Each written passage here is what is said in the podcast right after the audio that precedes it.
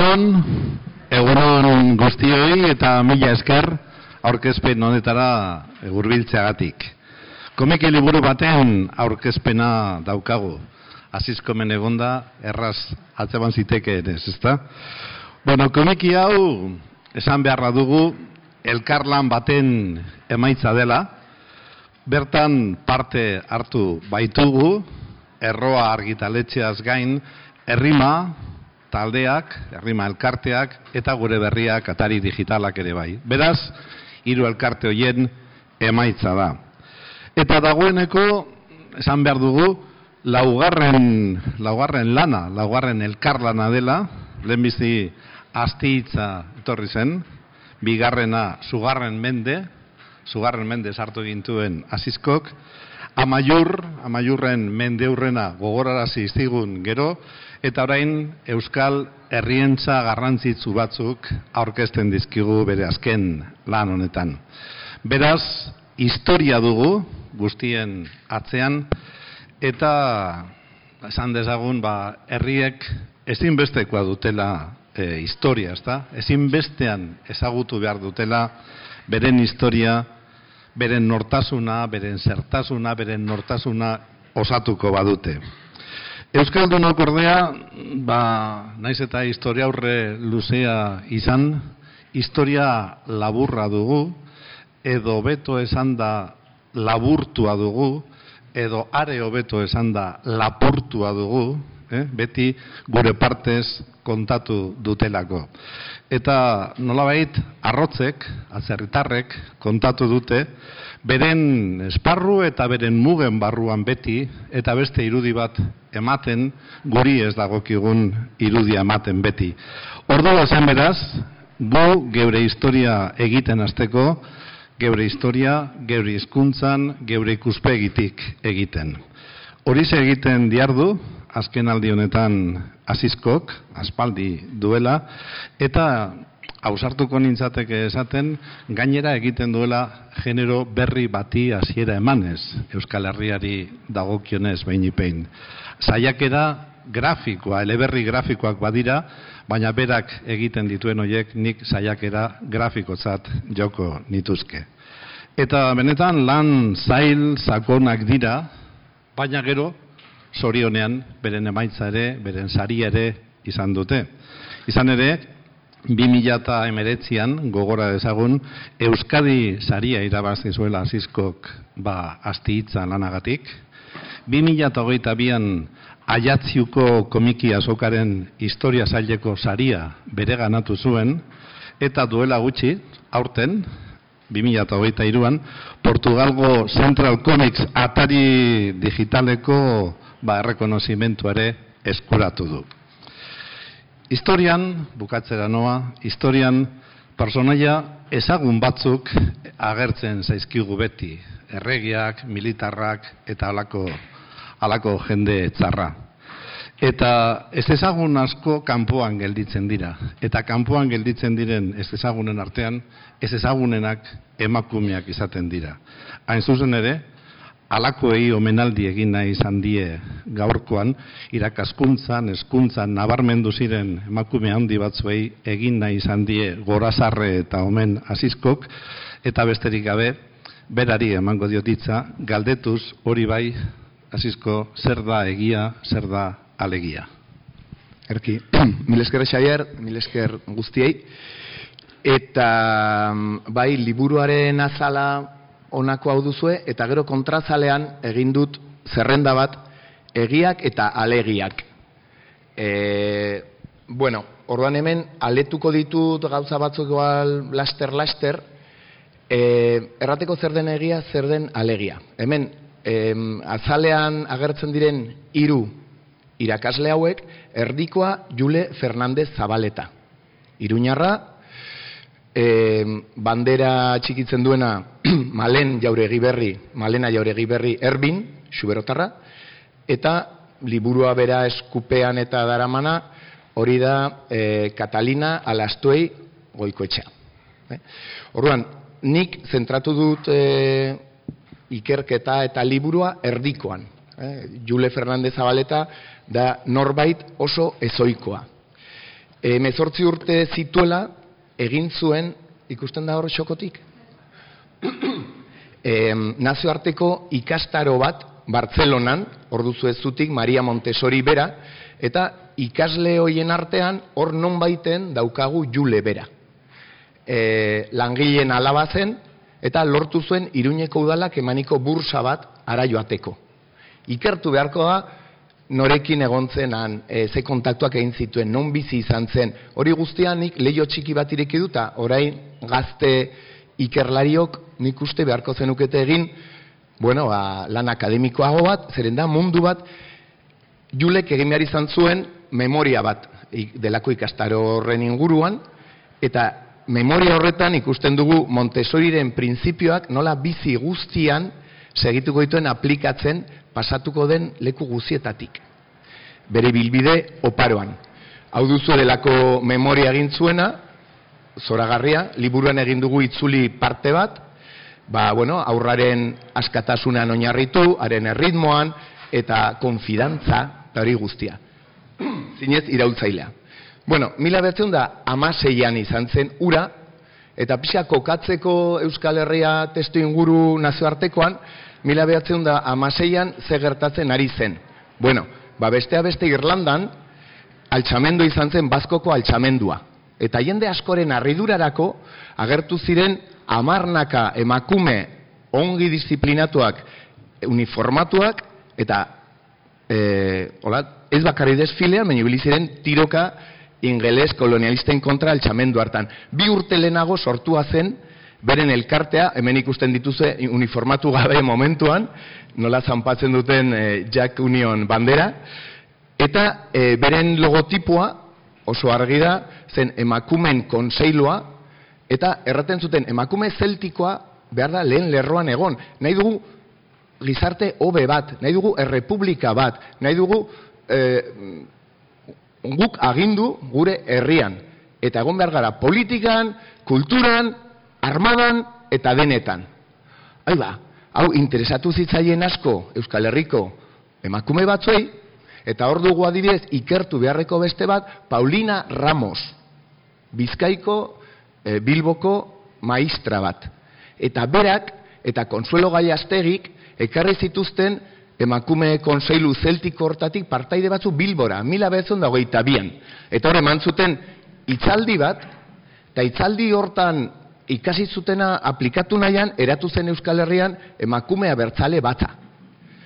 Ikusiko duzu liburuetan, interneten taula, denetan aipatzen dela kuman ban delako hortan oinarritua zela, ez da aipatzen zela talde bat armatua autodefensarako emakume irlandesek egina zutena.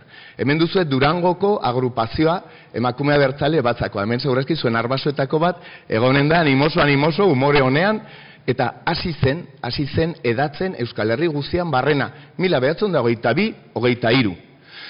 E, bueno, bakizu batzutan Espainiako politikak agintzak baduela bere ondorioa gure herrian, Frantziakoak ere, eta alako batean Primo de Riveraen diktadura. Eta debekatu egintzen emakumea bertzale batza. Baina horra hor, mila betzen dago, eta iruan, artikoloa eta gertu dela, e, barkatu, itzaldi bat eman duela Jule Fernandez Zabaletak, Euskararen alde lotuz hizkuntza eta Euskaldunon eskubideak. Eta horra aipatzen du, barkatu Euskaldun berria naiz, duela bi urte enekien, baina ari naiz ikasten, hai ba, ama e, zireukikoa, aita mainerukoa. Eskualde arroztuan. Eta bera, Euskara ikasten ari da.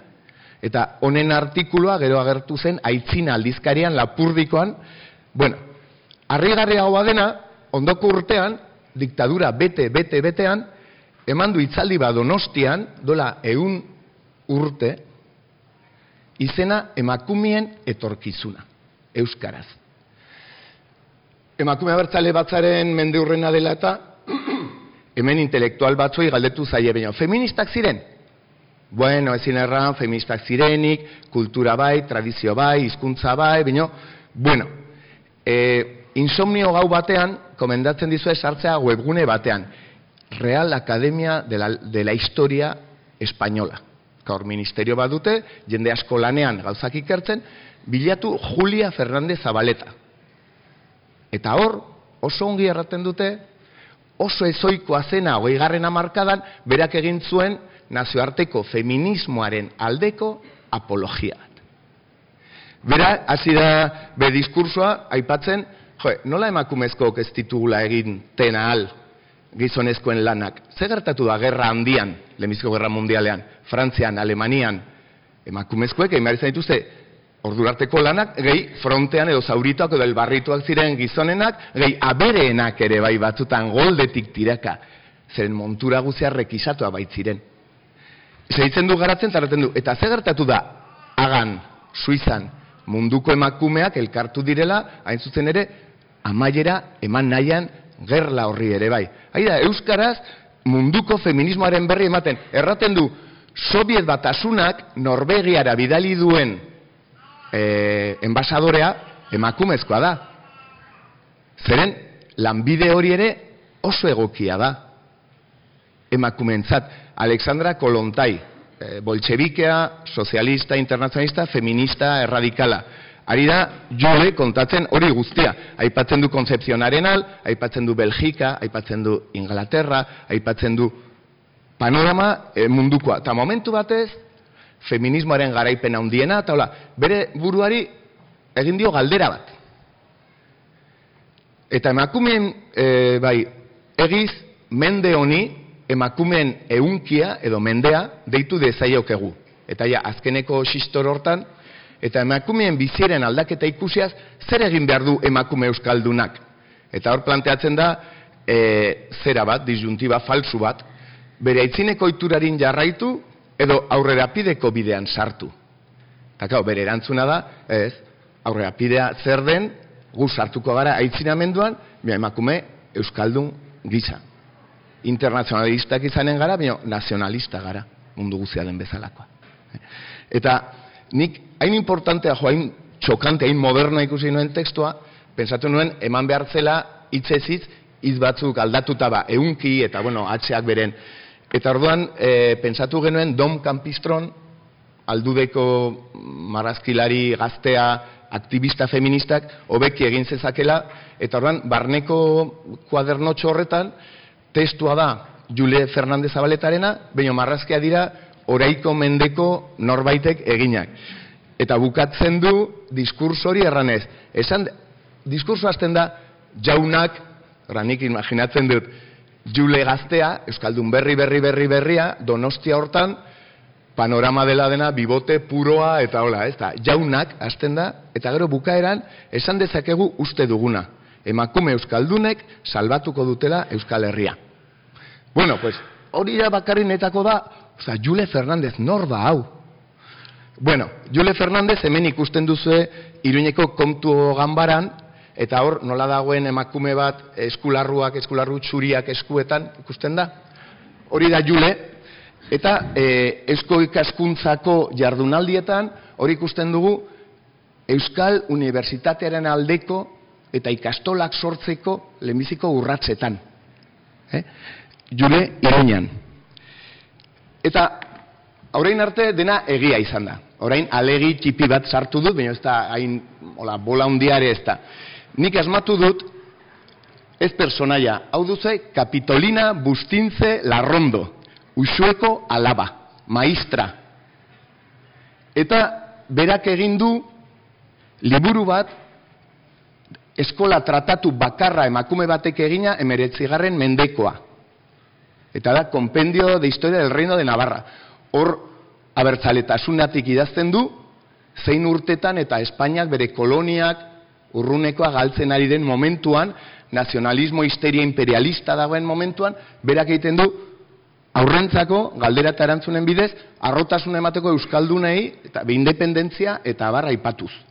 Orduan, nik egin dudan alegia edo asmatu dana, jule, badakigu moto zibiltzen zela batetik bestera, motorrez, ba, motorrez joan da usuera kapitolina zarrarekin elkarrizketatzera, zeren ikastolak sortzen ari dira, material beharrean daude, eta eskatu dio ja, hau euskaratzen ahal duten. Hori asmatu dut. Hori, hori dramatizazio txiki bala. da, hori da alegia. Baina, egia den adibidez, eta hor oso labur kontatzeko, ba, aprobetsatu kontatzeko, bueno, historiatik kentzen dizkiguten pasarteak oidiri interesgarrienak, beti, beti, beti. beti. Eta adibidez, baliatu dute mateko, ba, baiz bakarrik Irlandan, eh?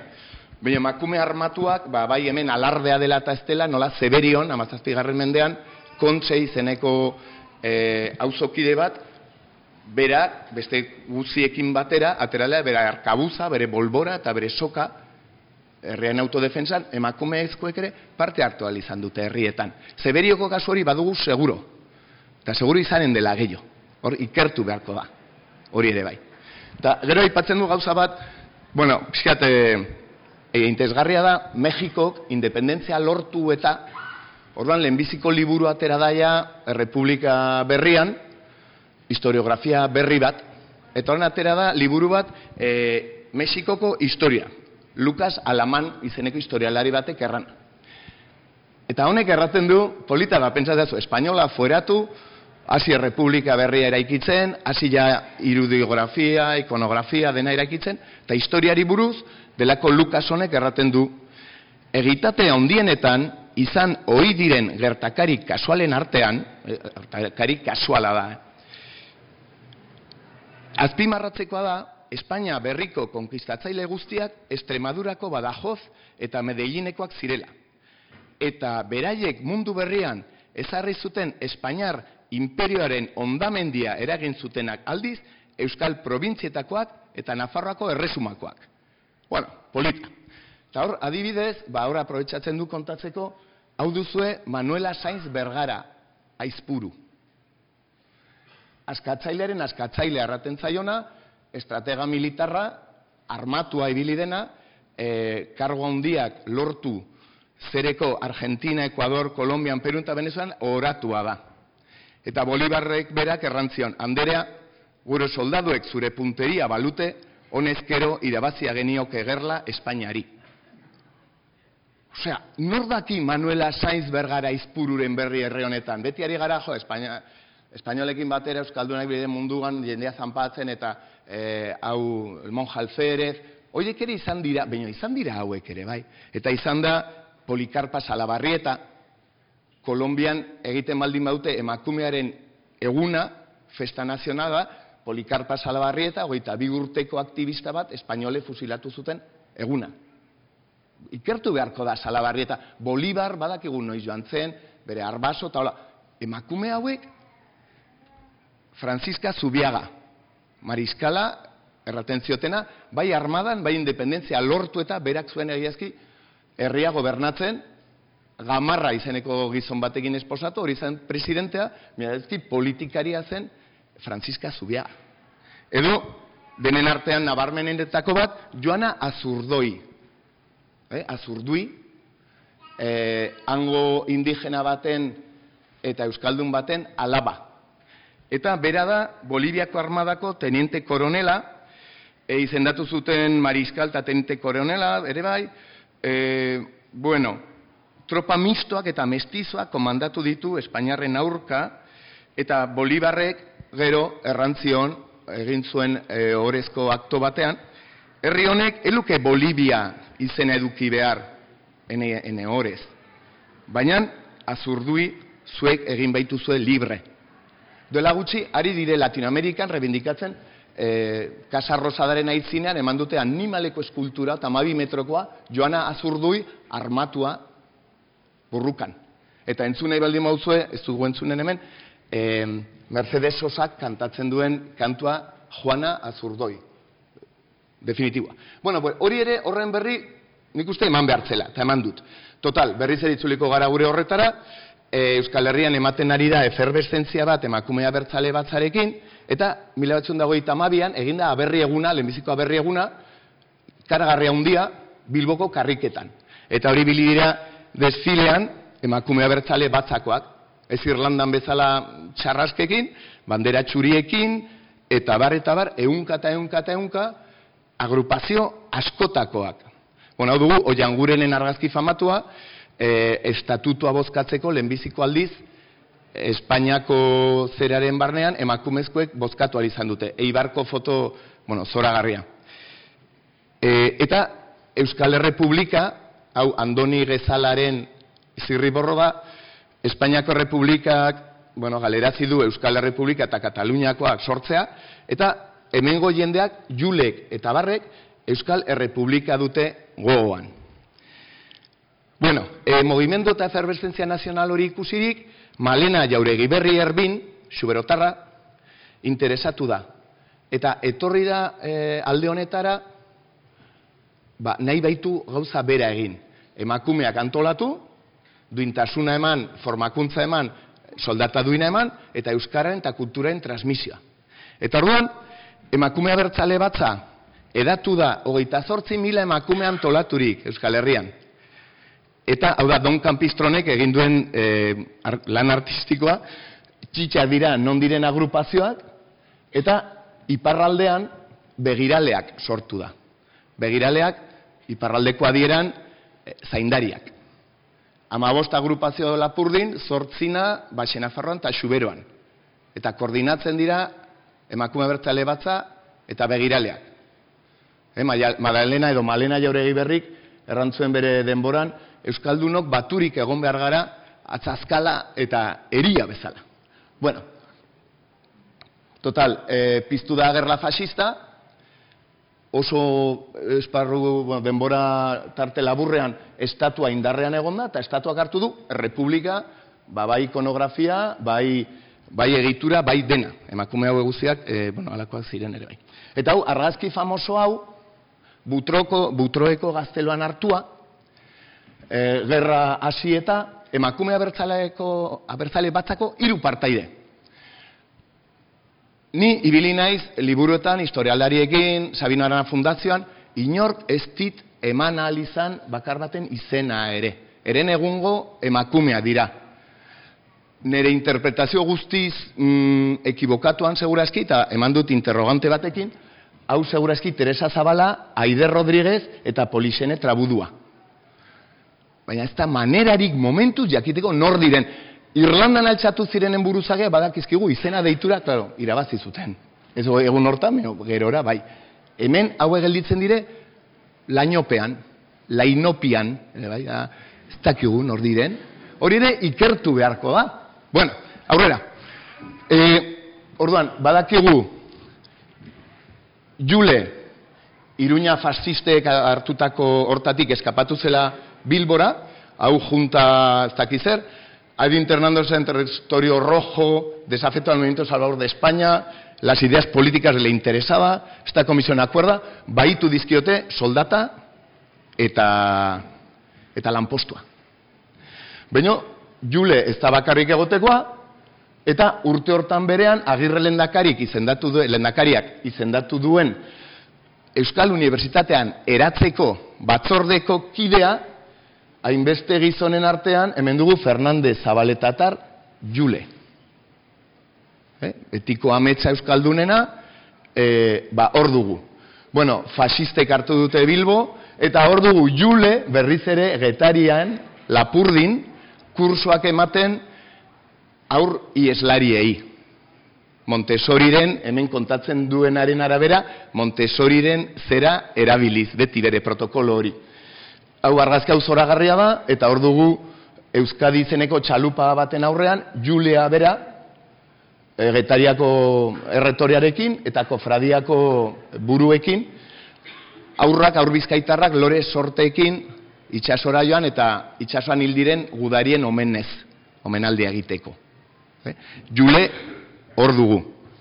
Bueno, urteak pasatu, talako batean, bueno, ba, beste gerra bat hasi da, mundiala, e, Franco eta Hitler elkartu dire hemen, endaian, eta Jule, Jule Fernandez eta beste ieslariak aterbetzen ibili dira Malena Jauregi berri eta begiraleakeko partaideak, eta hauek sartu dira gero Jule eta berea, Jule barkatu, Malena eta berea naia, sartu dira nazien kontrako e, erresistentzian, xuberora. Eta hor galtzen zaigu pista Julerena, ez dakigu, Donibane garatzira joan ote den eta hor zitadelan kursoak eman, batzuen arabera, baina liburuetan ez da gertu, urte batzuetako zuloa badugu.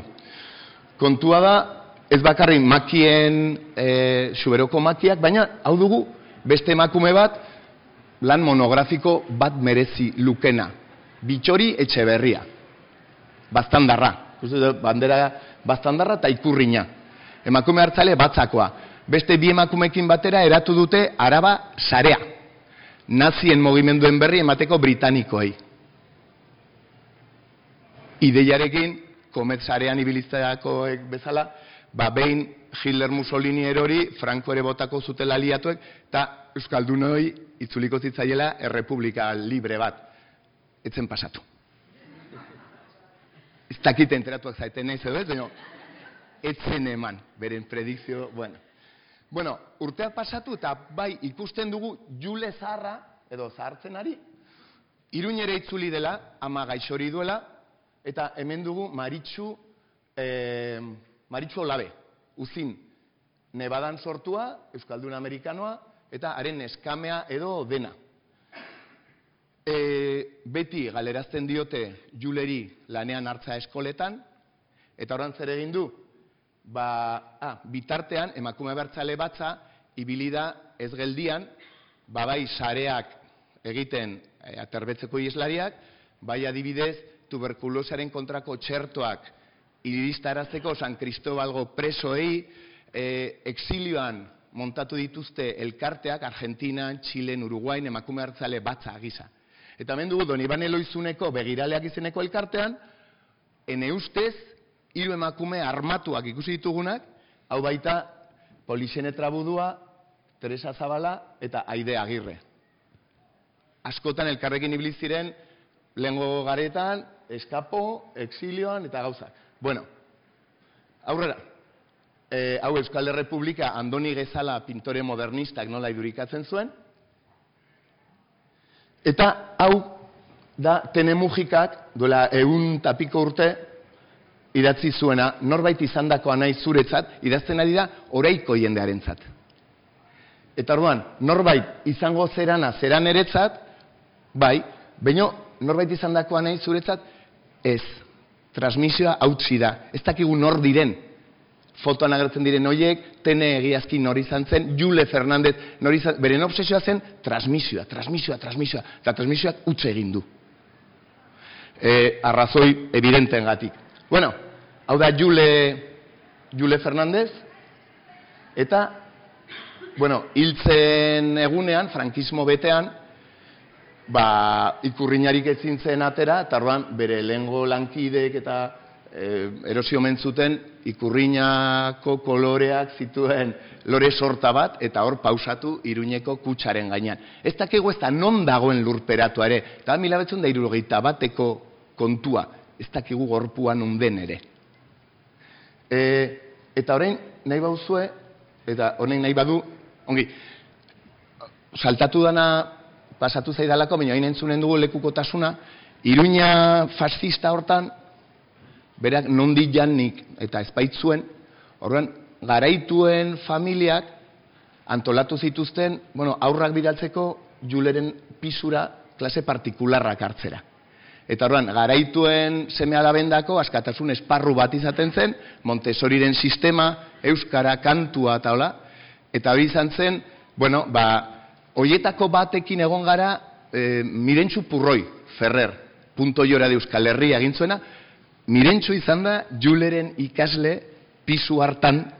Eta eskatu genion kolaborazio bat egin du idatziz eta hemen entzunen dugu ez bere abotzez baina em, zera Marianez Gorostiagak rezitatua berak nola oroitarazten edo nola, bai, nola gogoan duen e, kurso hura.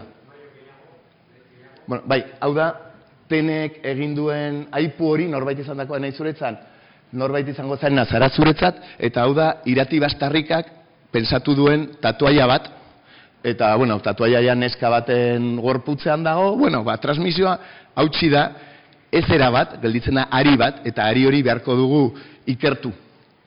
Hau da, tene mugikak duela egun urte idatzitakoa, eta e, irati bastarrikak egindako arte lana. Eta Emakume txipia, alegera eta argitsua, kantaria, marrazkilari bekaina, galderen bidez pizten zuen gure interesa. Zer da marraztea eta margotzea. Erakutsi zigun begiratzea eta ikustea biga direla. Ikasle bakoitzaren beharretatik abiatzen zen eta teknikak irakasten zizkigun bere izkera egokituz norberaren adinaren arabera doain berezia zeukan irakaskuntzarako eta gozatu zikasten genuen ahalmena baitzuen ezagutza jolas bilakatzeko. Nik neuk nuen matematika maitatzen ikasi pentsa, Inion eta inoiz agerietzen Nafarroa ezagutu genuen eta ibilaldiak egiten genituen Iruñerrian barrena, txangoak loizunera, garazira, herri ederra gurea. Horregatik gabetu gaituzte ustentzuen erortzera. Etxea miatu zioten makina bat aldiz, liburuak baitu, isunak ezarri. Inspektoreak agertzen zirelarik maritxuk jotzen zuen txerrina, motz bat eta biluze. Ez dut ahaztekoa, emakumea dimentsu hark zabaldu zigun argizko mundua no, miren txupurroiren lekukotasuna, ba, ba hori de izan da guztia, ezakit minuturi gelditzen zaigun edo ez, bada galderarik edo...